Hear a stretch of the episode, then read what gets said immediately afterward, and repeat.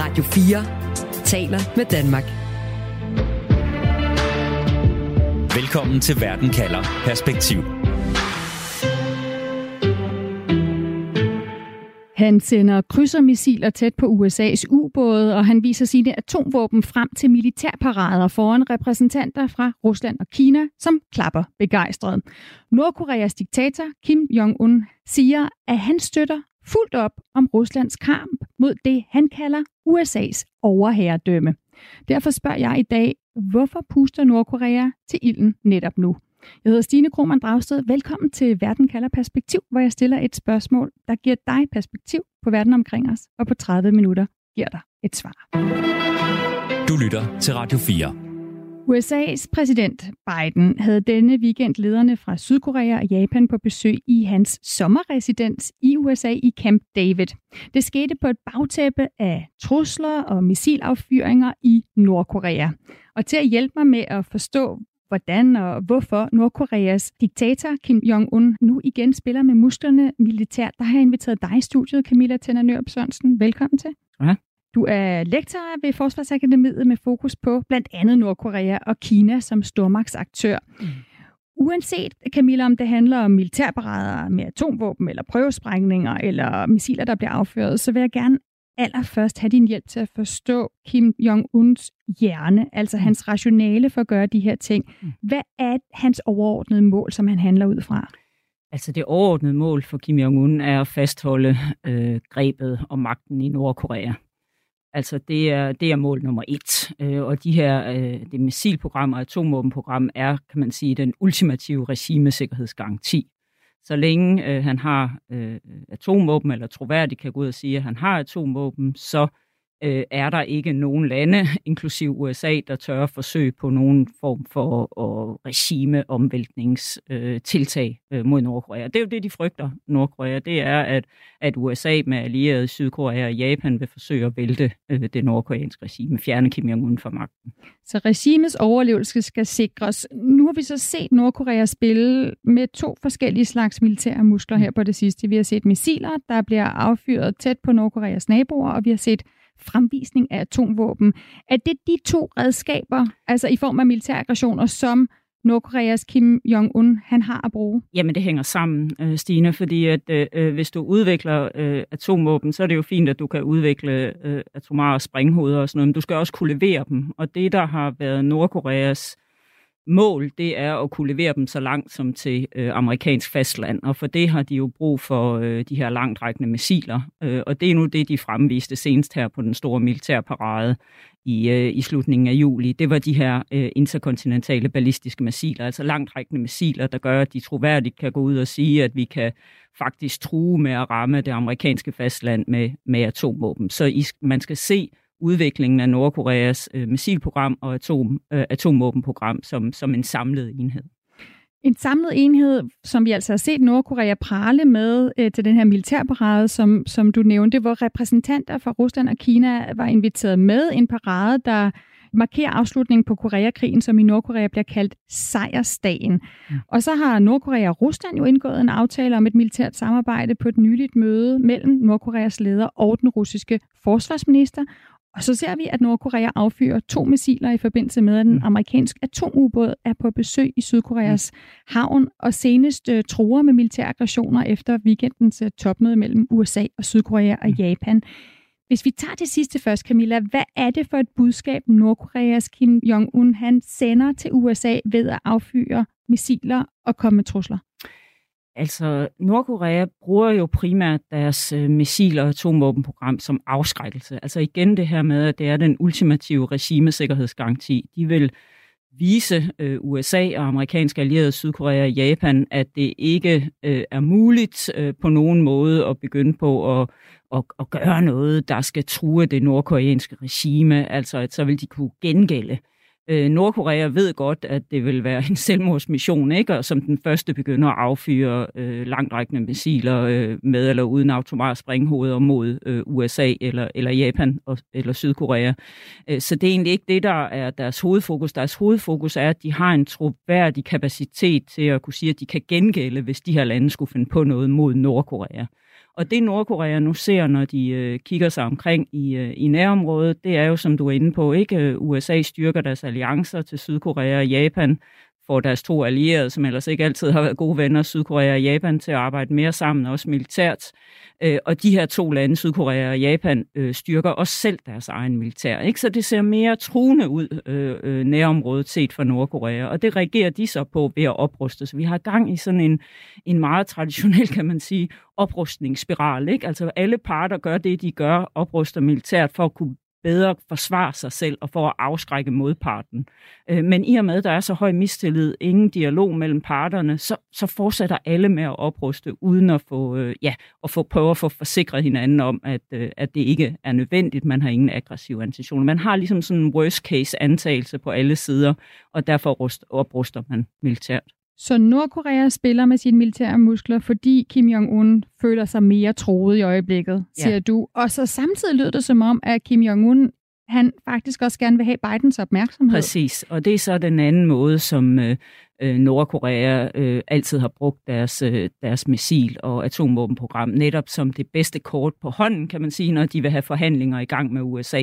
Og lige nu er der jo ikke ret meget fokus på Nordkorea. Vi har meget fokus på, på Ukraine, og når vi kigger på Asien, så er næsten alt amerikansk fokus rettet ind mod at give Kina at håndtere et stærkere og mere, mere selvhævdende Kina. Øh, og Nordkorea vil jo, altså Nordkorea er jo under et af verdens hårdeste sanktionsregimer. Øh, det står rigtig skidt til øh, økonomisk i Nordkorea. Kim Jong-un vil meget gerne have løftet de her sanktioner, men det skal vel og mærke ske, uden han giver afkald på, på atomvåben. Ikke? Men, men Pointen er, hvis han så går ud og viser, at det har omkostninger, I bliver ved med at ignorere os. Hvis I ikke vil tale med os, så bliver vi ved med at udvikle vores missil- og atomprogram. Vi bliver ved med at teste, indtil vi kan nærmest presse jer ikke, til, til forhandlingsbordet. Mm. Så sådan bliver de, de også brugt, altså simpelthen som et forhandlingskort. Ja, for man kunne egentlig godt tro, at det var en fordel for Nordkorea, at USA ikke har så meget fokus på dem i øjeblikket, og ikke bruger en masse kræfter på at stille krav til dem om for mm. eksempel at nedruste. Ja, men det er det jo ikke rigtigt, fordi man kan sige, at allerede i 2018 gik Kim Jong-un ud og sagde, nu behøves vi ikke at teste atomvåben mere, vi behøver ikke rigtig at satse så meget på at udvikle vores missilprogram, for nu er vi, hvor vi skal være. Vi, vi er etableret som en atomvåbenstat. Nu kan vi begynde at fokusere på at udvikle landet økonomisk. Han holdt en tale, hvor hun var ude at sige, at han vil også øh, skaffe den helt almindelige nordkoreanske øh, borgere bedre levevilkår. Øh, men for det har han brug for at få åbnet op over for omverdenen. Han har simpelthen brug for, at det hårde sanktionsregime, som Nordkorea er underlagt, der begynder at blive løsnet op på det. Øh, men han vil jo ikke, han vil jo gøre det på en måde, hvor han ikke skal give afkald og begynde at forhandle om atomvåbenprogrammet. Øh, og det kan kun blive muligt, ikke, hvis omverdenen på en eller anden måde accepterer, okay, det er ikke muligt øh, at få Kim Jong-un til at opgive de her atomvåben. Vi er nødt til at starte forhandlingerne ud fra det udgangspunkt, at Nordkorea er en atomvåbenstat. Nu gælder det om at få dem inkluderet i diverse kontrolregimer og, og alt sådan noget. Ikke? Altså mm. simpelthen at få dem integreret i de øh, ja, mekanismer og aftaler, der er på, på atomvåben og også på, på missilområdet. Ikke? Øh, men det har USA ikke været villige til. Det har de amerikanske allierede, Japan og Sydkorea heller ikke været villige til. Og derfor står vi stadigvæk et sted, hvor det her sanktionsregime, det fortsætter. Hver gang Nordkorea går ud og foretager endnu en missiltest, så kommer der endnu flere sanktioner på fra USA og, og amerikanske allierede. Øhm, og, og der kan ikke rigtig blive slået hul på det, og derfor har Nordkorea nu vendt sig så entydigt mod, mod Rusland og mod øh, Kina. Og Rusland og Kina er villige til at ligesom også forbedre forholdet til Nordkorea nu, fordi de mm. kan se, at de kan bruge Nordkorea i forhold til det, der nu er den største trussel set for dem, nemlig, nemlig, nemlig USA. Så man kan sige, det her det bekræfter igen, hvad vi kan se hele vejen igennem Nordkoreas historie, at Nordkorea trives, det nordkoreanske handlerum, det øges hver gang forholdet mellem, store, øh, mellem stormagterne forværres. Hvis stormagterne kan arbejde sammen, ligge et fælles pres på Nordkorea, så har Nordkorea det rigtig svært når stormagterne ikke kan enes, så kan Nordkorea spille dem ud mod hinanden, og det er det, vi, det, er det, vi ser nu. Lad os dykke meget mere ned i det her med stormagtskonflikt, og hvad det, hvordan det styrker Nordkorea og Kim Jong-un. Men inden da, så vil jeg gerne lige vende mig mod den anden spiller, som du nævner, altså Sydkorea, og den langt hårde linje, som Sydkorea også lægger over for diktaturet mod Nord. Du lytter til Verden kalder Perspektiv på Radio 4. For mens Nordkorea viser våbenmusklerne frem, så rejste Sydkoreas præsident over til præsident Bidens sommerresident Camp David, hvor man blandt andet kunne se ham øh, spise en afslappet frokost med Bidens anden gæst, nemlig Japans premierminister. Og hvorfor afslappede møder mellem ledere fra Sydkorea og Japan ikke er helt, et helt sædvanligt syn, og hvordan det hænger sammen med Nordkoreas militæraggressioner, det skal du hjælpe os med at blive klogere på, Morten Søndergaard. Velkommen til Verden kalder. Jo, tak. Du har i flere år boet og arbejdet i Sydkorea og dækker nu landet fra øh, København. Lad os lige begynde ved det her topmøde. For en af grundene til, at øh, det kan lade sig gøre, det handler jo om, at den nuværende konservative sydkoreanske regering står et bestemt sted. Hvorfor vil de gerne mødes med Japan ved, ved topmødet i USA?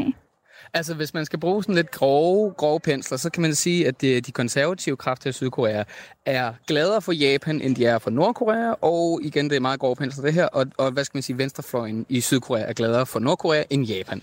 Igen, det er ikke ens betydende med, at, at de er helt vilde med Nordkorea. Men altså, øh, de konservative i, i Sydkorea har igen og igen og igen viser mere villige til at snakke med Japan, viser mere villige til at prøve at forbedre forholdene til Japan. Det er også det, vi så med Yoon, øh, Yoon suk yeol den nuværende sydkoreanske øh, konservative øh, præsident. Han var sådan rimelig hurtigt ude at sige, efter han vandt, at han ville altså gerne forbedre forholdet til Japan. Og derfor gik han ud og prøvede at kontakte Japan, og ligesom prøvede at få, få etableret et eller andet form for øh, genopbyggelse af forholdet, som led gevaldigt under den sidste præsident, under Moon Jae-in, som er den øh, på venstrefløjen, og som han, hele hans program nærmest. Det var simpelthen at nærme sig Nordkorea, prøve at mødes med Nordkorea. Han var den første præsident, i den sydkoreanske præsident i historien, der har været i Nordkorea og give hånd til Nordkoreas leder. Det var kæmpestort dengang, man tænkte, så nu sker der noget. Øh, og nu er det så som bekendt ikke gået det nødvendigvis den vej, som Moon Jae-in gerne vil have. Øh, og nu er der kommet nye boller på suppen. En øh, konservativ minister, der alt, altså de konservative ligger bare en hård linje over for Nordkorea, og prøver og så at, at, øh, nærme sig Japan, og også USA selvfølgelig. De konservative konservative også meget glade for USA. Så det, det er derfor, det er sådan, det er meget et eller andet sted forventeligt, at de konservative prøver at, at nærme sig Japan mere. Men jeg vil sige, at Yoon suk har gjort yderligere for, for at nærme sig Japan. Godt. Han har nærmet sig Japan, som jo, altså Sydkorea og Japan, skal vi lige så fast, har en lang og broet historie, som går tilbage til 2. verdenskrig. Den handler om besættelse, den handler om sydkoreanske kvinder, der blev tvunget til prostitution, tvunget til arbejde topmøde, Morten, det blev så især, altså det topmøde, der så kom mellem Sydkorea og Japan, det blev så især fremhævet som en diplomatisk sejr for USA og Joe Biden. Er du enig i det, og hvad er Sydkoreas interesse i det?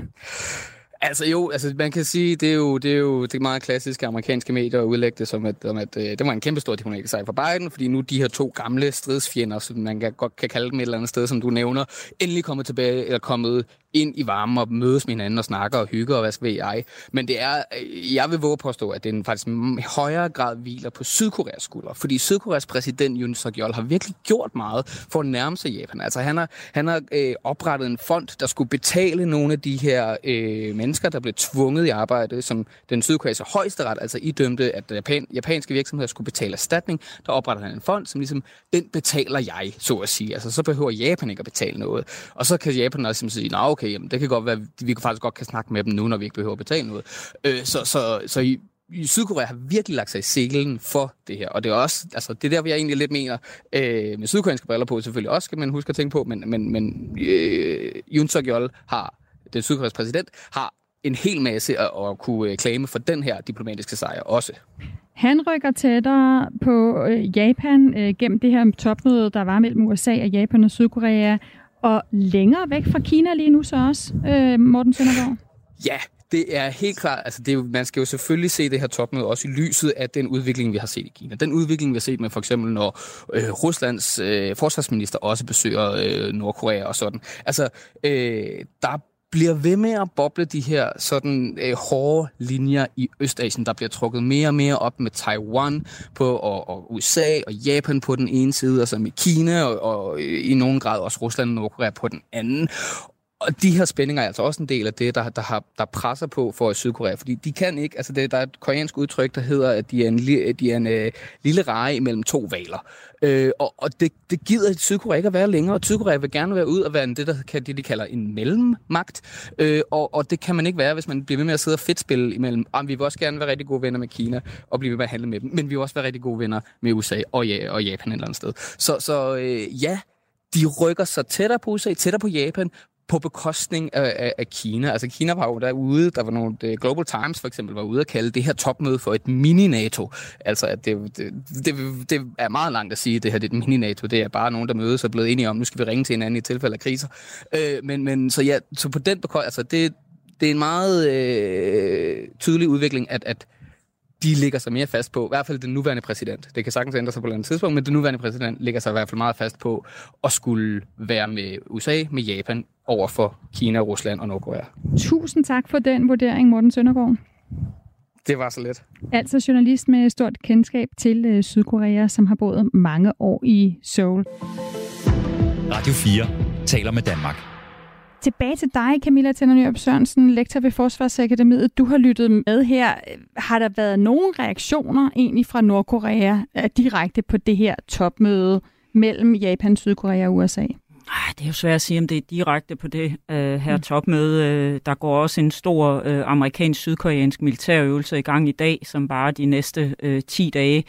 Øh, så, så om det er en reaktion på topmødet eller, eller den militærøvelse, der går i gang, det er svært at sige. Men netop her hen over natten har Nordkorea foretaget endnu en, øh, en missilaffyring.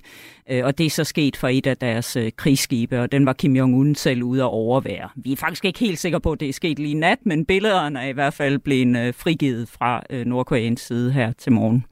Skubber det Nordkorea i armene på Kina, at USA og Sydkorea og Japan holder sådan et uh, topmøde sammen i Bidens sommerresidens? Altså det, øh, det skærper jo linjerne, kan man sige, som, som Morten Søndergaard også er inde på. Ikke? Altså, øh, du får delt øh, det mere op, men jeg ved ikke, om det skubber dem i armene på. Altså Nordkorea er nok et af de lande, der, eller Kim Jong-uns regime er nok et af de regimer, der er allermest fokuseret på øh, at bevare sin selvstændighed. Ikke? De vil ikke være afhængige af nogen.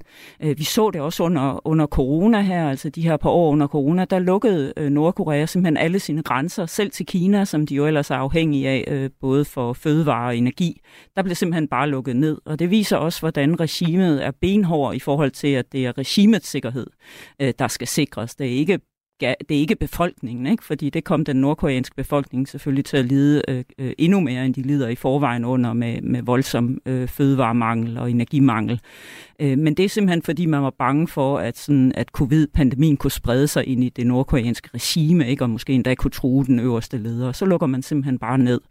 Øh, så de er utrolig øh, paranoide øh, og meget, meget fokuseret på at bevare deres egen selvstændighed. Øh, øh og derfor er der også, det vi så Kim Jong-un gøre allerførst, da han kom til magten i 2011, det var jo at fjerne dem i den nordkoreanske ledelse, der blev set som værende for tæt på Kina. Blandt andet sin egen onkel, som jo blev henrettet øh, nærmest offentligt, ikke? fordi han blev set som Kinas mand i Nordkorea.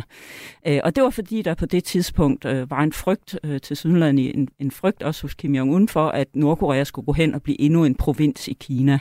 Så jeg synes, det er et lidt forkert billede at sige, at det skubber dem i armene på, men det gør det her med, at Nordkorea kan spille på forholdet mellem at, at forholdet mellem USA og Kina er så dårligt, ikke? Jamen det gør så, at værdien for Kina er at have Nordkorea som en, som en, som en, en, en, en stabil grænse, som den her form for bufferstat i forhold til Sydkorea. Der er jo store amerikanske styrker i Sydkorea. Dem vil Kina helst ikke have helt op til grænsen til Kina, så så længe man kan bevare Nordkorea som, øh, som den her form for, for buffer, ikke? det her, der er imellem de styrker, der er, amerikanske styrker, der er nede i Sydkorea så, og så Kina, så er man rigtig glad. Det vil man så eller det prioriterer man så til Sydlandet højere nu, end at skal prøve at fjerne de nordkoreanske atomvåben. Fordi mm. vi ser Kina øh, fokusere mindre og mindre på øh, det her med øh, spørgsmål omkring Nordkoreas atomvåbenprogram. Vi ser det i FN's Sikkerhedsråd, hvor både Kina og Rusland ikke længere er villige til at støtte op om yderligere sanktioner mod øh, Nordkorea. De implementerer heller ikke de sanktioner, som de har øh, støttet op omkring. Så så det er simpelthen i højere grad Nordkorea, der kan der får et større spillerum, og der simpelthen kan, kan spille de her store magter ud mod hinanden. Og det er og de det er eminent derfor, dygtige til. Ja, og det er derfor, vi taler om øh, USA, om hvor de står, om hvor Sydkorea, Japan og Kina og Rusland står, fordi det du siger er, når der er stormagtskonflikt, så får Nordkorea simpelthen et større rødrum, og så står de, øh, kan de stå stærkere. Når vi lige taler om det med atomvåben, altså Kina har vel også en interesse i, at Nordkorea nedruster og ikke bliver en stærk atomvåbenmagt. Hvor usædvanligt er det, Camilla, at Kina sender en repræsentant til en militærparade en repræsentant, som bliver filmet i at stå og klappe begejstret? Jamen, det er meget usædvanligt, og det er også derfor, at der, der er blevet lagt så meget mærke til det. Øh, der var en analyse ude i et af de øh, mest anerkendte sådan, sydkoreanske øh, øh, øh, forskningsinstitutioner, der fokuserer på det her, ikke? Som, som sådan ligesom havde fulgt øh, den her øh, kinesiske repræsentant hele vejen igennem paraden, og lå mærke til, at han i starten stod meget stramt, ikke? og havde, øh, havde øh, givet fået nogle instruktioner med hjemmefra om, at han skulle ikke vise nogen form for for, for udtryk, ikke? Øh, men så kan man se til sidst, kan han slet ikke lade være, ikke? og så begynder han at klappe og sådan noget, da de her store øh, missiler kommer hen over pladsen. Øhm, og det er usædvanligt, fordi Kina har jo hidtil holdt fast i, ikke? At, øh, at denuklearisering, altså fjernelse af alt atomvåben fra den koreanske halvø, det er målet. Og det, der er Kinas frygt, er jo, at øh, hvis Nordkorea øh, bliver ved med at udvikle deres atomvåbenprogram, jamen så kunne det også føre til, at, øh, at landene omkring, altså Japan, Sydkorea, også begynder at udvikle deres egne atomvåben, og så kunne du få sådan en helt spredning øh, af atomvåben øh, i Asien, og det øh, ønsker kineserne ikke at se. Det er jo sådan nu, at øh, både Japan og Sydkorea er dækket ind under det, vi kalder den, den amerikanske atomvåbenparaply, så de har jo ikke egne atomvåben i Japan og Sydkorea, men de har kapaciteten til meget hurtigt at kan udvikle det. Og der har vi set over de sidste to år, øh, også som Sydkorea og Japan øh, bliver mere bekymret over, hvad kommer der efter Biden, og kan Trump komme tilbage, og kan vi så regne med Nordkorea, eller kan vi så regne med amerikansk støtte, så er der kommet mere debat i både Sydkorea og Japan om, hvorvidt de skal udvikle deres egne atomvåben, og det er noget, Kina er meget bekymret for. Donald Trump, ekspræsident i USA, han valgte jo at mødes med Nordkoreas Kim Jong-un. Der så vi jo i den forbindelse Kina i højere grad stramme op øh, på sanktioner over for Nordkorea, mm. for eksempel ved at slå ned på nogle af de kinesiske mellemmænd, der handler med Nordkorea. Øh, så hvad får Kina ud af nu øh, i mindre grad at skrue bissen på over for Nordkorea? Ja, lige nu er det jo øh, i hvert fald øh, kalkylen, ikke? Øh, rationalet i Beijing, og det får de ikke noget ud af. Øh, altså hovedfokus øh, for Kina, det er at stå så stærkt som muligt øh, i forhold til hovedudfordringen, ikke? Øh, som de ser øh, klart som værende USA. Og lige nu set for Kina, så er et USA, der er i gang med at styrke øh, amerikanske alliancer, styrke amerikanske allierede, samarbejde mellem amerikanske allierede i Kinas nærområde. Kina frygter simpelthen, at det amerikanerne har gang i nu, det er sådan en form for inddæmning af Kina ved at lave sådan en ring rundt omkring Kina ned og omkring kysten. Ikke? Øh, øh, vi ser også den her Quad-konstellation, altså Kina eller USA's samarbejde med Australien, Japan øh, og, øh, og Australien, Japan og Indien øh, og andre samarbejder. Ikke USA øh, har skruet voldsomt op for deres militære tilstedeværelse øh, i Filippinerne også øh, over de seneste måneder. Så det, det er det, der er Kinas hovedfokus nummer et. Øh, og for det har de brug for, som jeg var inde på før, at der er ro på grænsen til Nordkorea, og at de også har Nordkorea som den her form for bufferstat, ikke ned mod øh, Sydkorea. Hvis vi forestiller os, at Nordkorea falder sammen, øh, Sydkorea overtager styrelsen, eller der kommer en genforening, Sydkorea overtager kontrollen med hele den koreanske halvø, vil de så stadigvæk have en øh, militær alliance til USA, jamen så vil du jo kunne få amerikanske styrker helt op til den kinesiske grænse. Ikke? Det, mm. det er virkelig ikke et scenarie, der ser særlig godt ud. Så, for, så det bliver, jo, jo dårligere forholdet bliver til USA, jo mere USA styrker forholdet med allierede, som vi nu har set på, på Camp David her over weekenden, jo vigtigere bliver det for Kina, som han bare fastholder Nordkorea som den her bufferstat. Og så ryger det her med at få fjernet Nordkoreas atomvåben ned som en lavere prioritet. Ikke at det ikke er en prioritet, men det kommer lavere ned på, på prioritetslisten, kan man sige. Og så har vi endnu en spiller, øh, og det er Rusland og, og Putin. For nu ser vi, at øh, Nordkorea og, og, og Rusland, de udveksler breve, de lover hinanden partnerskab. Så har krigen i Ukraine, har det også skabt en åbning, som Nordkorea udnytter? Helt, helt, øh, helt, helt sikkert.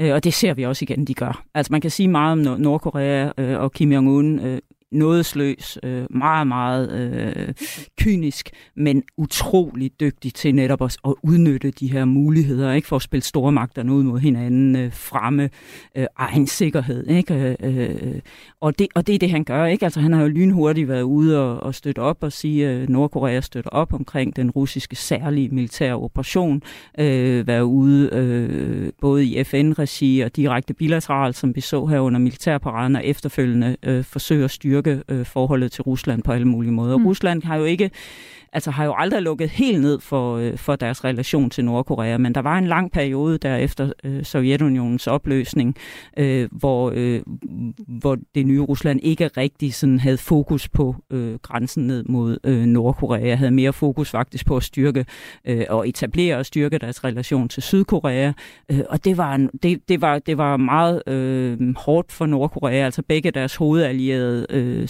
Rusland og Kina, vendte jo fokus væk fra Nordkorea stoppede meget støtten til Nordkorea der efter afslutningen af, af den kolde krig. Og det er der, vi er på vej tilbage til nu, ikke? Mm. at de simpelthen kan regne med støtte fra de her to øh, øh store allierede, eller to, to store øh, støtter i øh, Kina og, og, og Rusland. Du lytter til Radio 4. Og du lytter til Verden kalder perspektiv, hvor jeg stiller spørgsmålet, hvorfor puster Nordkorea til ilden netop nu? Camilla Tænder Nørup Sørensen, hvad er dit svar på det spørgsmål? Jamen det gør de, fordi de kan, kan man sige. Øh, altså der er også noget logik i, at, øh, at i og med øh, deres missiler, de bliver ved med at udvikle missiler, jamen, så har de også behov for at afprøve dem. Så man kan sige, de skal simpelthen også afprøve for at teste, at det de er ved at udvikle virker og sådan noget. Men når vi så ser de specifikke tidspunkter, de gør det på, altså når der foregår store amerikansk-sydkoreanske militærøvelser, når der er topmøde, som vi har set i weekenden, så går de ud og tester. Så er det både for at få opmærksomhed og vise, at I er nødt til at tage os alvorligt, I er nødt til at begynde at tage os alvorligt som en atom, øh, atomvåbenstat, som I skal forhandle med som atomvåbenstat, men også for simpelthen at, øh, ja, og, og afskrække, ikke? Altså, mm. øh, når de begynder at se så meget amerikansk militær på den, sydkorean, på den sydlige del af halvøen, ikke? Øh, og generelt i, i Nordkoreas nærområde, så bliver det her med at afskrække endnu vigtigere set for dem. Altså simpelthen at vise, at I skal ikke forsøge på noget i forhold til os, for så kan I regne med at få noget tilbage i hovedet. Og helt kort så siger du, at Nordkorea så står styrket af en øget stormagtskonflikt, fordi når at øh, det forhold er blevet værre mellem USA og Kina, mellem USA og Rusland, jamen så har Kim øh, Jong-un et større rådrum. Kim Jong-un har det nordkoreanske regime har, men det er den nordkoreanske befolkning, der lider, for det ser ikke ud til, at vi får løftet nogle af de her øh, meget hårde sanktioner, som de er underlagt. Tusind tak for den konklusion. Det var slet. Camilla Tænder Sørensen, altså lektor ved Forsvarsakademiet med fokus på blandt andet Nordkorea og Kina som stormagtsaktør. Og uanset hvad der sker, så husk at du kan få svar her i Verden kalder med mig, Stine Krummernd Dragsted. Det er mandag og torsdag, jeg sender live, og så kan du altid lytte til Verden kalder som podcast lige når du vil. Og husk at følge programmet, så får du de sidste programmer, når de er klar til dig. Du har lyttet til en podcast fra Radio 4. Find flere episoder i vores app, eller der, hvor du lytter til podcast.